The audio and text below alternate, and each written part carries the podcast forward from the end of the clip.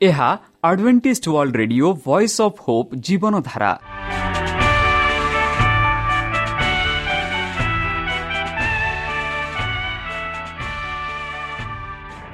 Odia radio କାର୍ଯ୍ୟକ୍ରମ ଯାହା ଆମର ଆନ୍ତର୍ଜାତୀୟ ଆଘାତ କେନ୍ଦ୍ରରୁ ପ୍ରସାରଣ କରାଯାଉଛି ପ୍ରତିଦିନ ରାତି ନଅଟା ତିରିଶ ମିନିଟ୍ରେ। ମୁଁ ସୁବ୍ରତ କୁମାର ପତି ପ୍ରେମର ସହ ଆପଣମାନଙ୍କୁ ଏହି କାର୍ଯ୍ୟକ୍ରମକୁ ସ୍ୱାଗତ କରୁଅଛି। ଚାଲନ୍ତୁ ଆଜିର ତିରିଶ ମିନିଟ୍ର କାର୍ଯ୍ୟକ୍ରମ ବିଷୟରେ ଜାଣିନେବା। ପ୍ରଥମେ ରଖିଛୁ ଆଧ୍ୟାତ୍ମିକ ଭକ୍ତିମୟ ଗୀତ। ଏହାପରେ ଶୁଣିବା ସ୍ୱାସ୍ଥ୍ୟ ବିଷୟରେ ଯାହା ଆମର ଦୈନିକ ଜୀବନରେ ଅତ୍ୟନ୍ତ ଜରୁରୀ। ଆଉ ପରିଶେଷରେ ଶୁଣିବା ପରମେଶ୍ୱରଙ୍କ ଭକ୍ତଙ୍କଠାରୁ ଜୀବନଦାୟକ ଈଶ୍ୱରଙ୍କ ବାକ୍ୟ। ପ୍ରିୟ ଶ୍ରୋତା ତାହେଲେ ଚାଲନ୍ତୁ ଶୁଣିବା ଏକ ଆଧ୍ୟାତ୍ମିକ ଭକ୍ତିମୟ ଗୀତ। ସାଧୁ ପାଉଲ କୁହନ୍ତି ମୁଁ ଏପର୍ଯ୍ୟନ୍ତ ତାହା ଧରିଅଛି ବୋଲି ମନେ କରୁନାହିଁ। କିନ୍ତୁ ଗୋଟିଏ ବିଷୟ ମୁଁ କରୁଅଛି। ପଶ୍ଚାତ୍ ବିଷୟ ସବୁ ମନରୁ ଦୂର କରି ସମ୍ମୁଖରେ ଥିବା ବିଷୟଗୁଡ଼ିକ ପ୍ରତି ଦୃଷ୍ଟି ରଖି ଖ୍ରୀଷ୍ଟ ଯୀଶୁଙ୍କଠାରେ ଈଶ୍ୱରଙ୍କ ସ୍ୱର୍ଗୀୟ ଆହ୍ୱାନର ପଣ ପାଇବା ନିମନ୍ତେ ଲକ୍ଷ୍ୟସ୍ଥଳକୁ ଦୌଡ଼ୁଅଛି। ପ୍ରିୟ ବନ୍ଧୁ ଖ୍ରୀଷ୍ଟୀୟ ଜୀବନର ଯାତ୍ରା ପଥରେ ଏକାକୀ ହୋଇ ନିଜ ଶକ୍ତିରେ ଚାଲିବା କେବଳ କଷ୍ଟକର ନୁହେଁ ଅସମ୍ଭବ ମଧ୍ୟ। ଏହି ଚଲାପଥରେ ରହିଛି ପରୀକ୍ଷା ପ୍ରଲୋଭନ ଦୁଃଖ କ୍ଲେଶ ତାଡ଼ନା ଓ ଅପମାନ। ଏସବୁକୁ ଅତିକ୍ରମ କରି ଅନନ୍ତକାଳୀନ ରାଜ୍ୟ ସିଓନରେ ପ୍ରବେଶ କରିବା ପାଇଁ ଆମେ କ'ଣ ଯୀଶୁଙ୍କୁ ଜୀବନର ନୌକାର ନାବିକ ଭାବେ ଆପଣେଇବାକୁ ପ୍ରସ୍ତୁତ କି? ଆସନ୍ତୁ ଶୁଣିବା। ଗୁମା ବାପ୍ଟିଷ୍ଟ ମଣ୍ଡଳୀ ନିବେଦିତ ଖ୍ରୀଷ୍ଟୀୟ ଜୀବନଯାତ୍ରା ଉପରେ ଆଧାରିତ ଭକ୍ତିମୂଳକ ସଙ୍ଗୀତ କ୍ୟାସେଟ୍ ଯୀଶୁଙ୍କ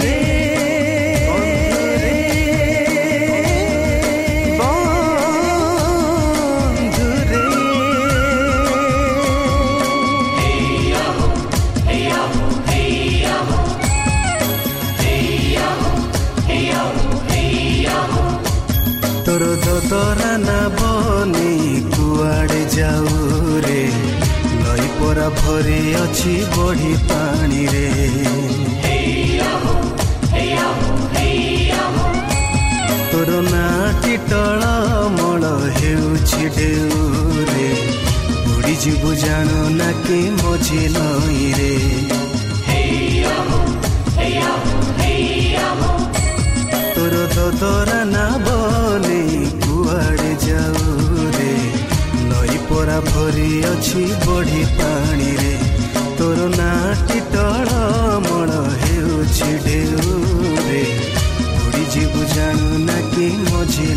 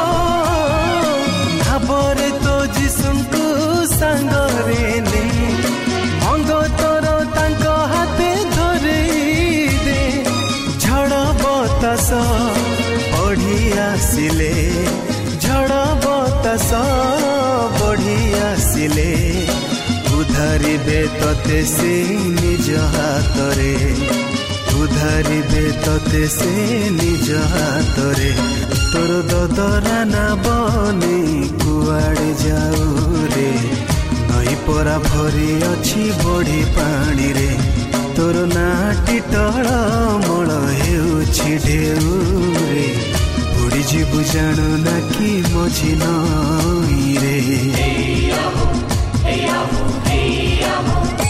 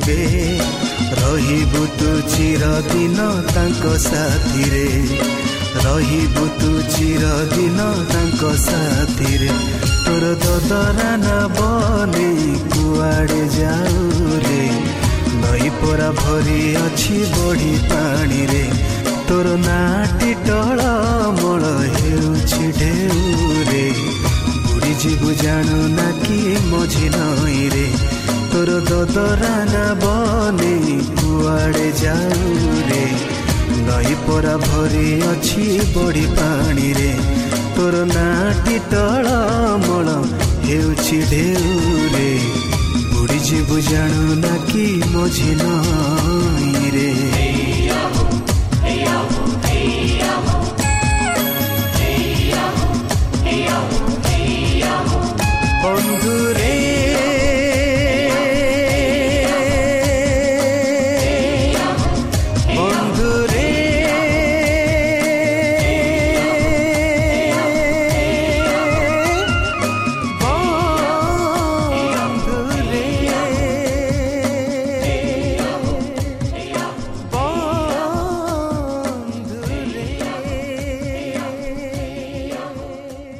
শ্রোতা আমি আশা করুছু যে আমার কার্যক্রম আপনার পসন্দ লাগুব আপনার মতামত পাই আমার এই ঠিকার যোগাযোগ করতু আমার ঠিকনা advantage Media Center SDA Mission Compound সাি park Pune চারি এক এক শূন্য তিন সাত মহারাষ্ট্র বা ଖୋଲନ୍ତୁ ଆମର ୱେବସାଇଟ୍, ଯେକୌଣସି Android phone, smartphone, desktop laptop କିମ୍ବା ଟ୍ୟାବ୍ଲେଟ୍।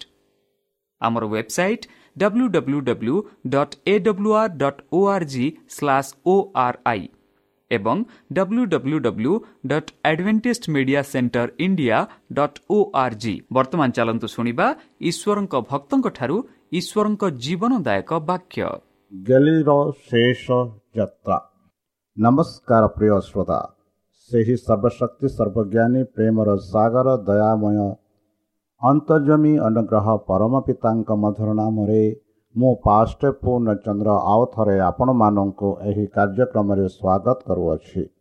ସେହି ସର୍ବଶକ୍ତି ପରମେଶ୍ୱର ଆପଣମାନଙ୍କୁ ଆଶୀର୍ବାଦ କରନ୍ତୁ।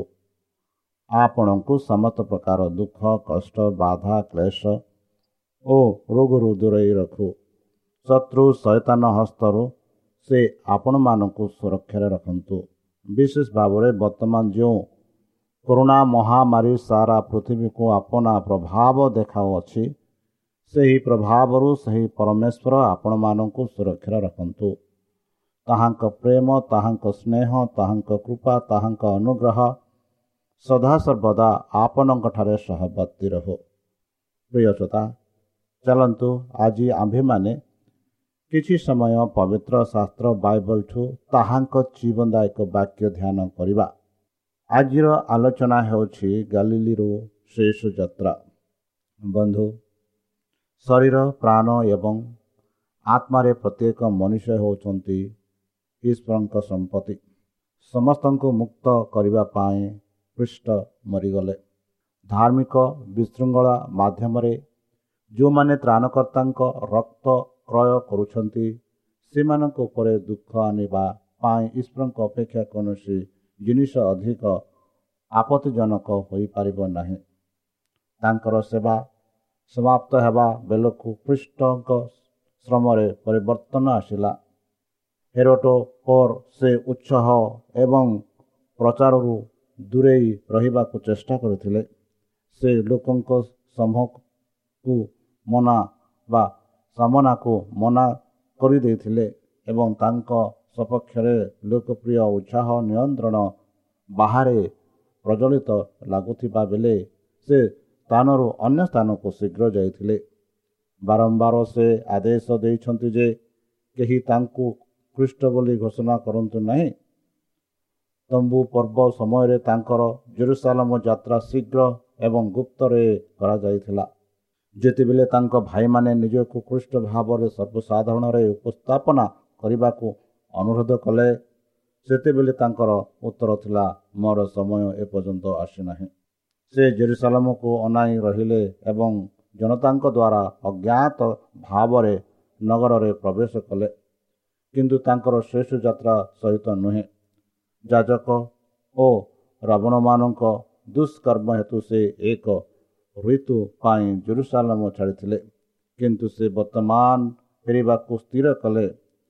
ସର୍ବସାଧାରଣ ଢଙ୍ଗରେ ଏକ ସଟିଙ୍ଗ ରୁଟ୍ ଦେଇ ଏବଂ ତାଙ୍କ ଆଗମନ ବିଷୟରେ ଏପରି ଘୋଷଣା ପୂର୍ବରୁ ସେ ପୂର୍ବରୁ କରିନଥିଲେ। ସେ ତାଙ୍କର ମହାନ ବଳିଦାନର ଦୃଶ୍ୟକୁ ଆଗକୁ ଯାଉଥିଲେ ଏବଂ ଏଥିପାଇଁ ଲୋକଙ୍କ ଦୃଷ୍ଟି ଆକର୍ଷଣ କରାଯାଇବା କରାଯିବା ଆବଶ୍ୟକ ଥିଲା।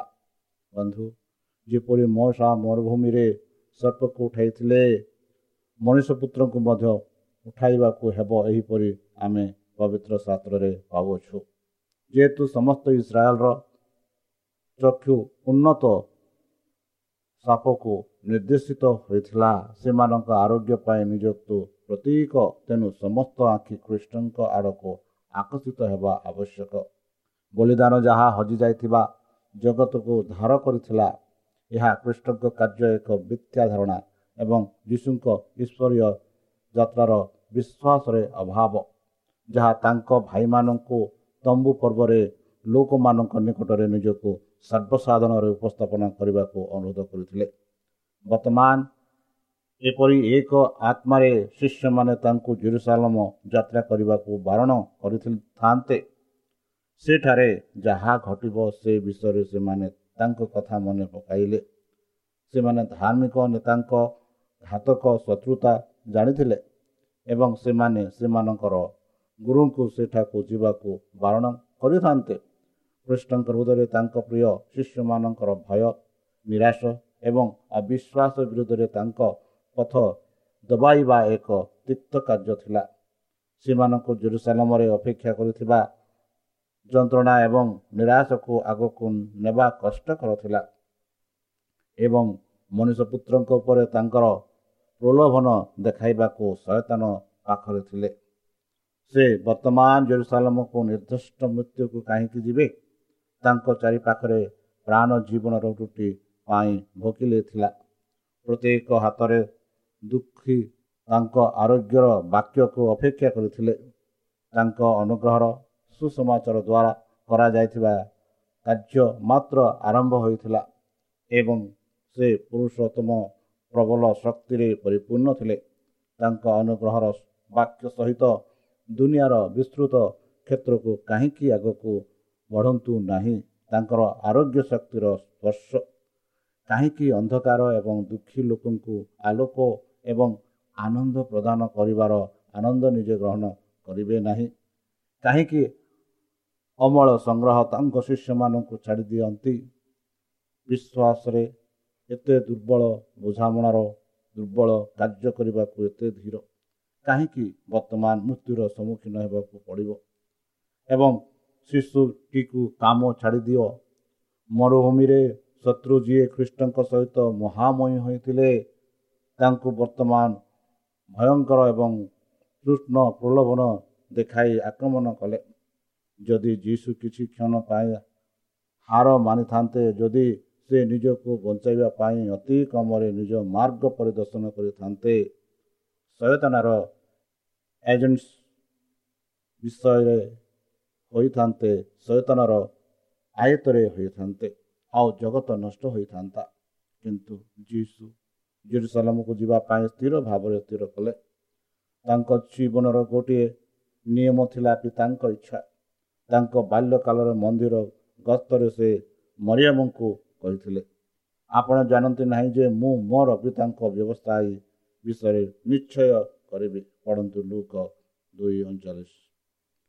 କାନାନରେ ଯେତେବେଳେ ମରିୟମ ତାଙ୍କର ଚମତ୍କାର ଶକ୍ତି ପ୍ରକାଶ କରିବାକୁ ଇଚ୍ଛା କଲେ ତାଙ୍କର ଉତ୍ତର ଥିଲା ମୋ ଘଣ୍ଟା ଏପର୍ଯ୍ୟନ୍ତ ଆସିନାହିଁ ବନ୍ଧୁ ସେହି ସମାନ ବାକ୍ୟ ସହିତ ସେ ତାଙ୍କ ଭାଇମାନଙ୍କୁ ଉତ୍ତର ଦେଲେ। ଯେତେବେଳେ ସେମାନେ ତାଙ୍କୁ ଭୋଜି କରିବାକୁ ଯିବାକୁ ଅନୁରୋଧ କଲେ। କିନ୍ତୁ ଈଶ୍ୱରଙ୍କ ମହାନ ଯୋଜନାରେ ମନୁଷ୍ୟର ପାପ ପାଇଁ ନିଜକୁ ଉତ୍ସର୍ଗ କରିବା ପାଇଁ ଘଣ୍ଟା ସ୍ଥିର କରାଯାଇଥିଲା ଏବଂ ସେହି ଘଣ୍ଟା ଖୁବ୍ ଶୀଘ୍ର ଆସିବାକୁ ଲାଗିଲା। ସେ ବିଫଳ ହେବେ ନାହିଁ କି ଦୁର୍ବଳ ହେବେ ନାହିଁ। ତାଙ୍କ ପାଦ ଜେରୁସାଲାମ ଆଡ଼କୁ ମହାମୟୀ ଯେଉଁଠାରେ ତାଙ୍କର ଶତ୍ରୁମାନେ ବହୁ ଦିନରୁ ତାଙ୍କ ଜୀବନ ନେବାକୁ ଷଡ଼ଯନ୍ତ୍ର କରିଛନ୍ତି। ବର୍ତ୍ତମାନ ସେ ଏହାକୁ ରଖିବେ। ସେ ନିର୍ଯାତନା ଅସ୍ୱୀକାର ପ୍ରତ୍ୟାଖ୍ୟାନ ନିନ୍ଦା ଏବଂ ମୃତ୍ୟୁକୁ ଯିବାକୁ ସ୍ଥିର ଭାବରେ ସ୍ଥିର କଲେ ବନ୍ଧୁ। ସେ ତାହାଙ୍କ ସମ୍ମୁଖରେ ଦୂତ ପଠାଇଲେ। ସେମାନେ ଯାଇ ଜେରୁସାଲାମ ବା ସମରଣୀୟମାନଙ୍କ ଏକ ଗ୍ରାମରେ ପ୍ରବେଶ କଲେ। କିନ୍ତୁ ଲୋକମାନେ ତାହାଙ୍କୁ ଗ୍ରହଣ କରିବାକୁ ମନା କଲେ। କାରଣ ସେ ଜେରୁସାଲାମକୁ ଯାଉଥିଲେ।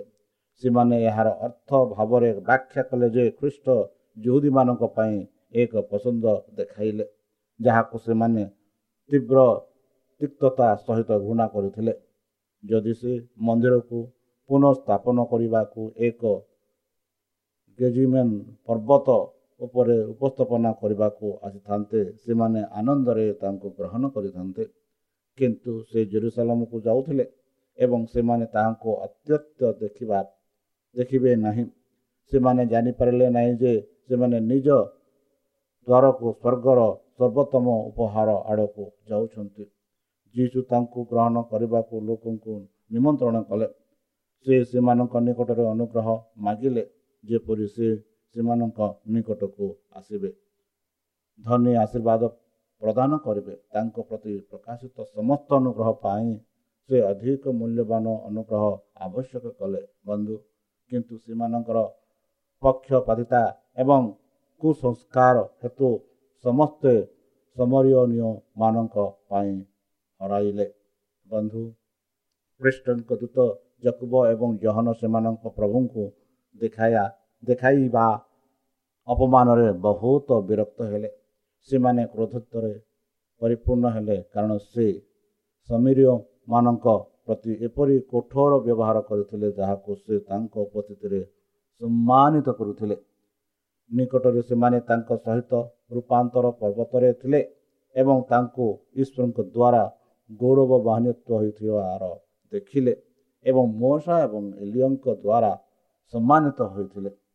ସମରୀୟମାନଙ୍କ ଦ୍ୱାରା ହୋଇଥିବା ଏହି ଅସମ୍ମାନ ସେମାନେ ଭାବିଥିଲେ ଯେ ବିନା ଦଣ୍ଡରେ ତାହା ଅତିକ୍ରମ କରିବା ଉଚିତ ନୁହେଁ। କୃଷ୍ଣଙ୍କ ନିକଟକୁ ଆସିଲେ ସେମାନେ ତାହାଙ୍କୁ ଲୋକମାନଙ୍କ ବାକ୍ୟ ଜଣାଇଲେ। ସେମାନେ ତାହାଙ୍କୁ କହିଥିଲେ ଯେ ସେମାନେ ତାଙ୍କୁ ରାତ୍ରି ଯାପନ କରିବାକୁ ମଧ୍ୟ ମନା କରି ଦେଇଛନ୍ତି। ସେମାନେ ଭାବିଲେ ଯେ ତାଙ୍କ ନିକଟରେ ଏକ ଗୁରୁତ୍ୱର ଭୁଲ କରାଯାଇଛି ଏବଂ ଦୂରରୁ କର୍ମଲ ପର୍ବତକୁ ଦେଖି ଯେଉଁଠାରେ ଏଲିଓ ମିଥ୍ୟା ଭବିଷ୍ୟତ ଭକ୍ତମାନଙ୍କ ହତ୍ୟା କରିଥିଲେ ସେମାନେ କହିଲେ ଆମେମାନେ ସ୍ୱର୍ଗରୁ ଓହ୍ଲାଇବା ପାଇଁ ଅଗ୍ନି ନିର୍ଦ୍ଦେଶ ଦେବା ଏବଂ ଏଲିଓଙ୍କ ପରି ଘ୍ରାସ କରିବା ପାଇଁ ଆଦେଶ ଦେବା କି ସେମାନେ ଦେଖି ଆଶ୍ଚର୍ଯ୍ୟ ହୋଇଗଲେ ଯେ ଯୀଶୁ ସେମାନଙ୍କ କଥା ଦ୍ୱାରା ଯନ୍ତ୍ରଣା ଅନୁଭବ କଲେ ଏବଂ ଆହୁରି ଅଧିକ ଆଶ୍ଚର୍ଯ୍ୟ ହେଲେ ଯେ ତାଙ୍କ ଭର୍ଜନା ସେମାନଙ୍କ କାନରେ ପଡ଼ିଲା ଆପଣ ଜାଣନ୍ତି ନାହିଁ ଆପଣ କେଉଁ ଆତ୍ମା ଅଟନ୍ତି କାରଣ ମନୁଷ୍ୟ ପୁତ୍ର ମନୁଷ୍ୟର ଜୀବନ ନଷ୍ଟ କରିବାକୁ ଆସିନାହାନ୍ତି କିନ୍ତୁ ସେମାନଙ୍କୁ ବଞ୍ଚାଇବା ପାଇଁ ଏବଂ ସେ ଅନ୍ୟ ଏକ ଗାଁକୁ ଗଲେ। ବନ୍ଧୁ ମନୁଷ୍ୟମାନଙ୍କୁ ତାଙ୍କ ଗ୍ରହଣ କରିବାକୁ ବାଧ୍ୟ କରିବା ଖ୍ରୀଷ୍ଟଙ୍କ ମିଶନର କୌଣସି ଅଂଶ ନୁହେଁ। ଏହା ହେଉଛି ସୟତାନ ଏବଂ ଲୋକମାନେ ତାଙ୍କ ଆତ୍ମା ଦ୍ୱାରା କାର୍ଯ୍ୟ କରନ୍ତି। ଯେଉଁମାନେ ବିବେକକୁ ବାଧ୍ୟ କରିବାକୁ ଚେଷ୍ଟା କରନ୍ତି ଧାର୍ମିକତା ପାଇଁ ଉତ୍ସାହର ବାହାନରେ ଯେଉଁମାନେ ମନ୍ଦ ଦୂତମାନଙ୍କ ସହିତ ମିଳିତ ହୁଅନ୍ତି ସେମାନେ ସେମାନଙ୍କର ଧାର୍ମିକ ଧାରଣାକୁ ରୂପାନ୍ତର କରିବା ପାଇଁ ସେମାନଙ୍କ ସାଥୀମାନଙ୍କ ଉପରେ ଯନ୍ତ୍ରଣା ଭୋଗନ୍ତି। କିନ୍ତୁ ଖ୍ରୀଷ୍ଟ ସର୍ବଦା ଦୟା ଦେଖାଉଛନ୍ତି। ନିଜ ପ୍ରେମର ପ୍ରକାଶ ଦ୍ୱାରା ଜିତିବାକୁ ଚେଷ୍ଟା କରୁଛନ୍ତି। ସେ ଆତ୍ମାରେ କୌଣସି ପ୍ରତିଦ୍ୱନ୍ଦିକ ସ୍ୱୀକାର କରିପାରିବେ ନାହିଁ କିମ୍ବା ଆଂଶିକ ସେବାକୁ ଗ୍ରହଣ କରିପାରିବେ ନାହିଁ। କିନ୍ତୁ ସେ କେବଳ ସ୍ୱେଚ୍ଛା ସେବା ପ୍ରେମର ସୀମା ମଧ୍ୟରେ ହୃଦୟର ଇଚ୍ଛୀକୃତ ଆତ୍ମସମର୍ପଣ କରିବାକୁ ଇଚ୍ଛା କରନ୍ତି। ଯେଉଁମାନେ ଆମର କାର୍ଯ୍ୟକୁ ପ୍ରଶଂସା କରନ୍ତି ନାହିଁ କିମ୍ବା ଯେଉଁମାନେ ଆମର ଧାରଣା ବିରୁଦ୍ଧରେ କାର୍ଯ୍ୟ କରନ୍ତି ସେମାନଙ୍କୁ ଆଘାତ ଏବଂ ବିନାଶ କରିବା ପାଇଁ ଆମର ସଚେତନର ଆତ୍ମା ଅଛି ବୋଲି ଆଉ କୌଣସି ଚରମ ପ୍ରମାଣ ହୋଇପାରିବ ନାହିଁ। ବନ୍ଧୁ ଶରୀର ପ୍ରାଣ ଏବଂ ଆତ୍ମାରେ ପ୍ରତ୍ୟେକ ମଣିଷ ହେଉଛି ଈଶ୍ୱରଙ୍କ ସମ୍ପତ୍ତି। ସମସ୍ତଙ୍କୁ ମୁକ୍ତ କରିବା ପାଇଁ କୃଷ୍ଟ ମରିଲେ। ଧାର୍ମିକ ବିଶୃଙ୍ଖଳା ମାଧ୍ୟମରେ ଯେଉଁମାନେ ତ୍ରାଣକର୍ତ୍ତାଙ୍କ ରକ୍ତ କ୍ରୟ କରୁଛନ୍ତି ସେମାନଙ୍କ ଉପରେ ଦୁଃଖ ଆଣିବା ପାଇଁ ଈଶ୍ୱରଙ୍କ ଅପେକ୍ଷା କୌଣସି ଜିନିଷ ଅଧିକ ଆପତିତଜନକ ହୋଇପାରିବ ନାହିଁ। ବନ୍ଧୁ ସେ ସେଠାରୁ ଉଠି ଯଦନ ନଦୀକୁ ଦୂରବର୍ତ୍ତୀ ଜୁହୁଦା କୂଳକୁ ଆସିଲେ। ଲୋକମାନେ ପୁନର୍ବାର ତାହାଙ୍କ ନିକଟକୁ ଆସିଲେ। ପୂର୍ବ ପରି ସେ ସେମାନଙ୍କୁ ପୁନର୍ବାର ଶିକ୍ଷା ଦେଲେ। ବନ୍ଧୁ କୃଷ୍ଣଙ୍କ ସେବାର ଶେଷ ମାସର ଏକ ମହତ୍ଵ ଅଂଶ ଜୁହୁଦାର ଜଡ଼ନର ଦୂର ପାର୍ଶ୍ୱରେ ପ୍ରବେଶର ଫେରିଆରେ ଅତିବାହିତ ହୋଇଥିଲା। ଗାଲିଲିରେ ତାଙ୍କର ପ୍ରାରମ୍ଭିକ ସେବା ପରି ଏଠାରେ ବହୁ ଲୋକ ତାଙ୍କ ପଦପେକ୍ଷର ଭିଡ଼ ଜମାଇଲେ ଏବଂ ତାଙ୍କର ପୂର୍ବ ଶିକ୍ଷା ଗୁଡ଼ିକର ଅନେକ ପୁନରାବୃତ୍ତି ହେଲା। ଯେହେତୁ ସେ ବାରଣକୁ ପଠାଇଥିବା ଲୋକ ସେ ତେଣୁ ଅନ୍ୟ ସତୁରି ଜଣଙ୍କୁ ନିଯୁକ୍ତ କଲେ ଏବଂ ସେମାନଙ୍କୁ ଦୁଇ ଓ ଦୁଇ ଗଣକୁ ତାଙ୍କ ମୁଖ ଆଗରେ ପ୍ରତ୍ୟେକ ସହର ଓ ସ୍ଥାନକୁ ପଠାଇଲେ ଯେଉଁଠାରେ ସେ ନିଜେ ଆସିବାକୁ ଯାଇଥିଲେ। ଲୁକଲିଖିତ ସମାଚାର ଏହା ଲେଖାଯାଇଅଛି। ବନ୍ଧୁ ଏହି ଶିଷ୍ୟମାନେ ତାଙ୍କ କାର୍ଯ୍ୟ ପାଇଁ କିଛି ସମୟ ତାଙ୍କ ସହିତ ଥିଲେ। ଯେତେବେଳେ ରାବଣ ବାର ଜଣ ସେମାନଙ୍କର ପ୍ରଥମ ପୃଥକ କାର୍ଯ୍ୟର ପଠାଗଲା ଅନ୍ୟ ଶିଷ୍ୟମାନେ ଯୀଶୁଙ୍କ ସହିତ ଗାଲିଲି ଦେଇ ଯାତ୍ରା କଲେ। ଏହିପରି ଭାବରେ ସେମାନେ ତାଙ୍କ ସହିତ ଅନ୍ତରଙ୍ଗ ସହଭାଗୀ ଏବଂ ପ୍ରତ୍ୟେକ ବ୍ୟକ୍ତିଗତ ନିର୍ଦ୍ଦେଶର ସୌଭାଗ୍ୟ ପାଇଲେ। ବର୍ତ୍ତମାନ ଏହି ବୃହତ୍ତ ସଂଖ୍ୟା ମଧ୍ୟ ଏକ ପୃଥକ ମିଶ୍ରଣର ଯିବାକୁ ଥିଲା। ସତୁରି ଦଶରକର ନିର୍ଦ୍ଦେଶ ବାର ଜଣକୁ ଦିଆଯାଇଥିବା ନିର୍ଦ୍ଦେଶ ସହିତ ସମାନ ଥିଲା। କିନ୍ତୁ ଅନଜୁହୁରୀ କିମ୍ବା ସମରୀୟମାନଙ୍କର କୌଣସି ସହରରେ ପ୍ରବେଶ କରିବାକୁ ବାରଣ ଜଣକୁ ଆଦେଶ ଦିଆଗଲା। ସତୁରି ଜଣଙ୍କୁ ଦିଆଗଲା ନାହିଁ। ଯଦିଓ ଖ୍ରୀଷ୍ଟ ସମରୀୟମାନଙ୍କ ଦ୍ୱାରା ଘୃଣିତ ହୋଇଥିଲେ ସେମାନଙ୍କ ପ୍ରତି ତାଙ୍କର ପ୍ରେମ ଅପରିବର୍ତ୍ତିତ ନଥିଲା। ଯେତେବେଳେ ସତୁରି ଜଣ ତାଙ୍କ ନାମରେ ବାହାରିଲେ ସେମାନେ ସର୍ବପ୍ରଥମେ ସମରୀଣ ସହର ପରିଦର୍ଶନ କଲେ। ଉଦ୍ଧାରକର୍ତ୍ତାଙ୍କ ସମରଣ ହସ୍ତ ଏବଂ ପରେ ଉତ୍ତମ ସମରଣୀଙ୍କ ପ୍ରଶଂସା ଏବଂ ସେହି କୃଷକର କୃତଜ୍ଞ ଆନନ୍ଦ। ଜଣେ ସ୍ମରଣୀୟ ଯିଏ ଦଶ ଜଣଙ୍କ ମଧ୍ୟରୁ କେବଳ କୃଷ୍ଣଙ୍କୁ ଧନ୍ୟବାଦ ଦେବା ପାଇଁ ଫେରି ଆସିଥିଲେ ତାହା ଶିଷ୍ୟମାନଙ୍କ ପାଇଁ ମହତ୍ଵପୂର୍ଣ୍ଣ ଥିଲା। ବନ୍ଧୁ ପାଠ ସେମାନଙ୍କ ହୃଦୟରେ ଗଭୀର ହୋଇଗଲା। ଆରୋହଣ ଆରୋହଣ ହେବାକୁ ଠିକ୍ ପୂର୍ବରୁ ଯୀଶୁ ସେମାନଙ୍କୁ ସମୀରଣକୁ ଜେରୁସାଲାମକୁ ଏବଂ ଯୋହୁଦା ସହିତ ଉଲ୍ଲେଖ କରିଥିଲେ ଯେଉଁଠାରେ ସେମାନେ ପ୍ରଥମ ସୁସମାଚାର ପ୍ରଚାର କରିଥିଲେ। ଏହି ଆୟୋଗ ତାଙ୍କର ଶିକ୍ଷା ସେମାନଙ୍କୁ ପୂରଣ କରିବାକୁ ପ୍ରସ୍ତୁତ କରୁଥିଲା। ଯେତେବେଳେ ସେମାନେ ସେମାନଙ୍କ ଗୁରୁଙ୍କ ନାମରେ ସମରଣୀୟକୁ ଗଲେ ସେମାନେ ଲୋକମାନଙ୍କୁ ଗ୍ରହଣ କରିବାକୁ ପ୍ରସ୍ତୁତ ଥିବାର ଦେଖିଲେ। ସମରଣୀୟମାନେ ଖ୍ରୀଷ୍ଟଙ୍କ ପ୍ରଶଂସା ବାକ୍ୟ ଏବଂ ସେମାନଙ୍କ ଜାତିର ପୁରୁଷମାନଙ୍କ ପ୍ରତି ତାଙ୍କର ଦୟା ବିଷୟରେ ଶୁଣିଥିଲେ। ସେମାନେ ଦେଖିଲେ ଯେ ତାଙ୍କ ପ୍ରତି ସେମାନଙ୍କ ଆଶାଲୀନ ବ୍ୟବହାର ପ୍ରତି ସେ କେବଳ ସେମାନଙ୍କ ପ୍ରତି ପ୍ରେମ ବିଷୟରେ ଚିନ୍ତା କରିଥିଲେ ଏବଂ ସେମାନଙ୍କର ହୃଦୟ ଜିତିଥିଲା। ସେ ଏକ କ୍ଷତ ବିକ୍ଷତ ନଳ ଭାଙ୍ଗିବ ନାହିଁ ଏବଂ ଅନ୍ଧକାର ଜଳୁଥିବା କୁମ୍ରରୁ ସେ ଲିଭିବା ପାଇଁ ନାହିଁ। ସେ ସତ୍ୟକୁ ନ୍ୟାୟ ପ୍ରଦାନ କରିବ। ଅନେକ ଯୁବତୀମାନେ ତାଙ୍କ ନାମରେ ବିଶ୍ୱାସ କରିବେ ସେହି ଯୀଶୁଖ୍ରୀଷ୍ଟ ଯିଏକି ଆମ୍ଭମାନଙ୍କ ପାଇଁ ବିଶ୍ୱରେ ନିଜ ଜୀବନ ଦେଲେ କିପରି ତାହାକୁ ଜୀବନ ଦ୍ୱାରା ଆମେ ଆନନ୍ଦ ଜୀବନ ପ୍ରାପ୍ତ ହୋଇପାରିବା ଚାଲନ୍ତୁ ନିଜକୁ ସମର୍ପଣ କରି ତାହାଙ୍କ ମଧୁର ନାମରେ ଆମେ ପ୍ରାର୍ଥନା ଉତ୍ସର୍ଗ କରିବା ହେ ଆମ୍ଭମାନଙ୍କ ସର୍ବଶକ୍ତି ସର୍ବଜ୍ଞାନୀ ପ୍ରେମର ସାଗର ଦୟାମୟ ଅନ୍ତର୍ଜମୀ ଅନୁଗ୍ରହ ପିତା ଧନ୍ୟବାଦ ଅର୍ପଣ କରୁଅଛୁ ପ୍ରଭୁ ବର୍ତ୍ତମାନ ଯେଉଁ ବାକ୍ୟ ତୁମ ସେହି ଭକ୍ତଙ୍କ ଦ୍ୱାରା ଶୁଣାଇଲେ ସେହି ବାକ୍ୟ ଅନୁସାରେ ଏମାନଙ୍କୁ ଚାଲିବା ପାଇଁ ବୁଦ୍ଧିରେ ଜ୍ଞାନରେ ଶକ୍ତି ପରିପୂର୍ଣ୍ଣ କର ଶତ୍ରୁ ସୈତନ ହସ୍ତରୁ ଏମାନଙ୍କୁ ଦୂରେଇ ରଖ ପରିଶେଷ ଯେବେ ତୁମେ ତୁମ ସେହି ସହସ୍ରଦୂତଙ୍କ ସହ ଆପଣା ସାଧୁମାନଙ୍କୁ ସଂଗ୍ରହ କରିବା ନିମନ୍ତେ ଆସିବେ ସେତେବେଳେ ଆମମାନଙ୍କୁ ଏକ ବାସସ୍ଥାନ ଦେବ ବୋଲି ପ୍ରାଣକର୍ତ୍ତା ପ୍ରଭୁ ଯୀଶୁଙ୍କ ମଧୁରମୟ ନାମରେ ଏହି ଛୋଟି ବିକ୍ଷମ ଅଛି ଶୁଣି ଗ୍ରହଣ କର ଆମେନ୍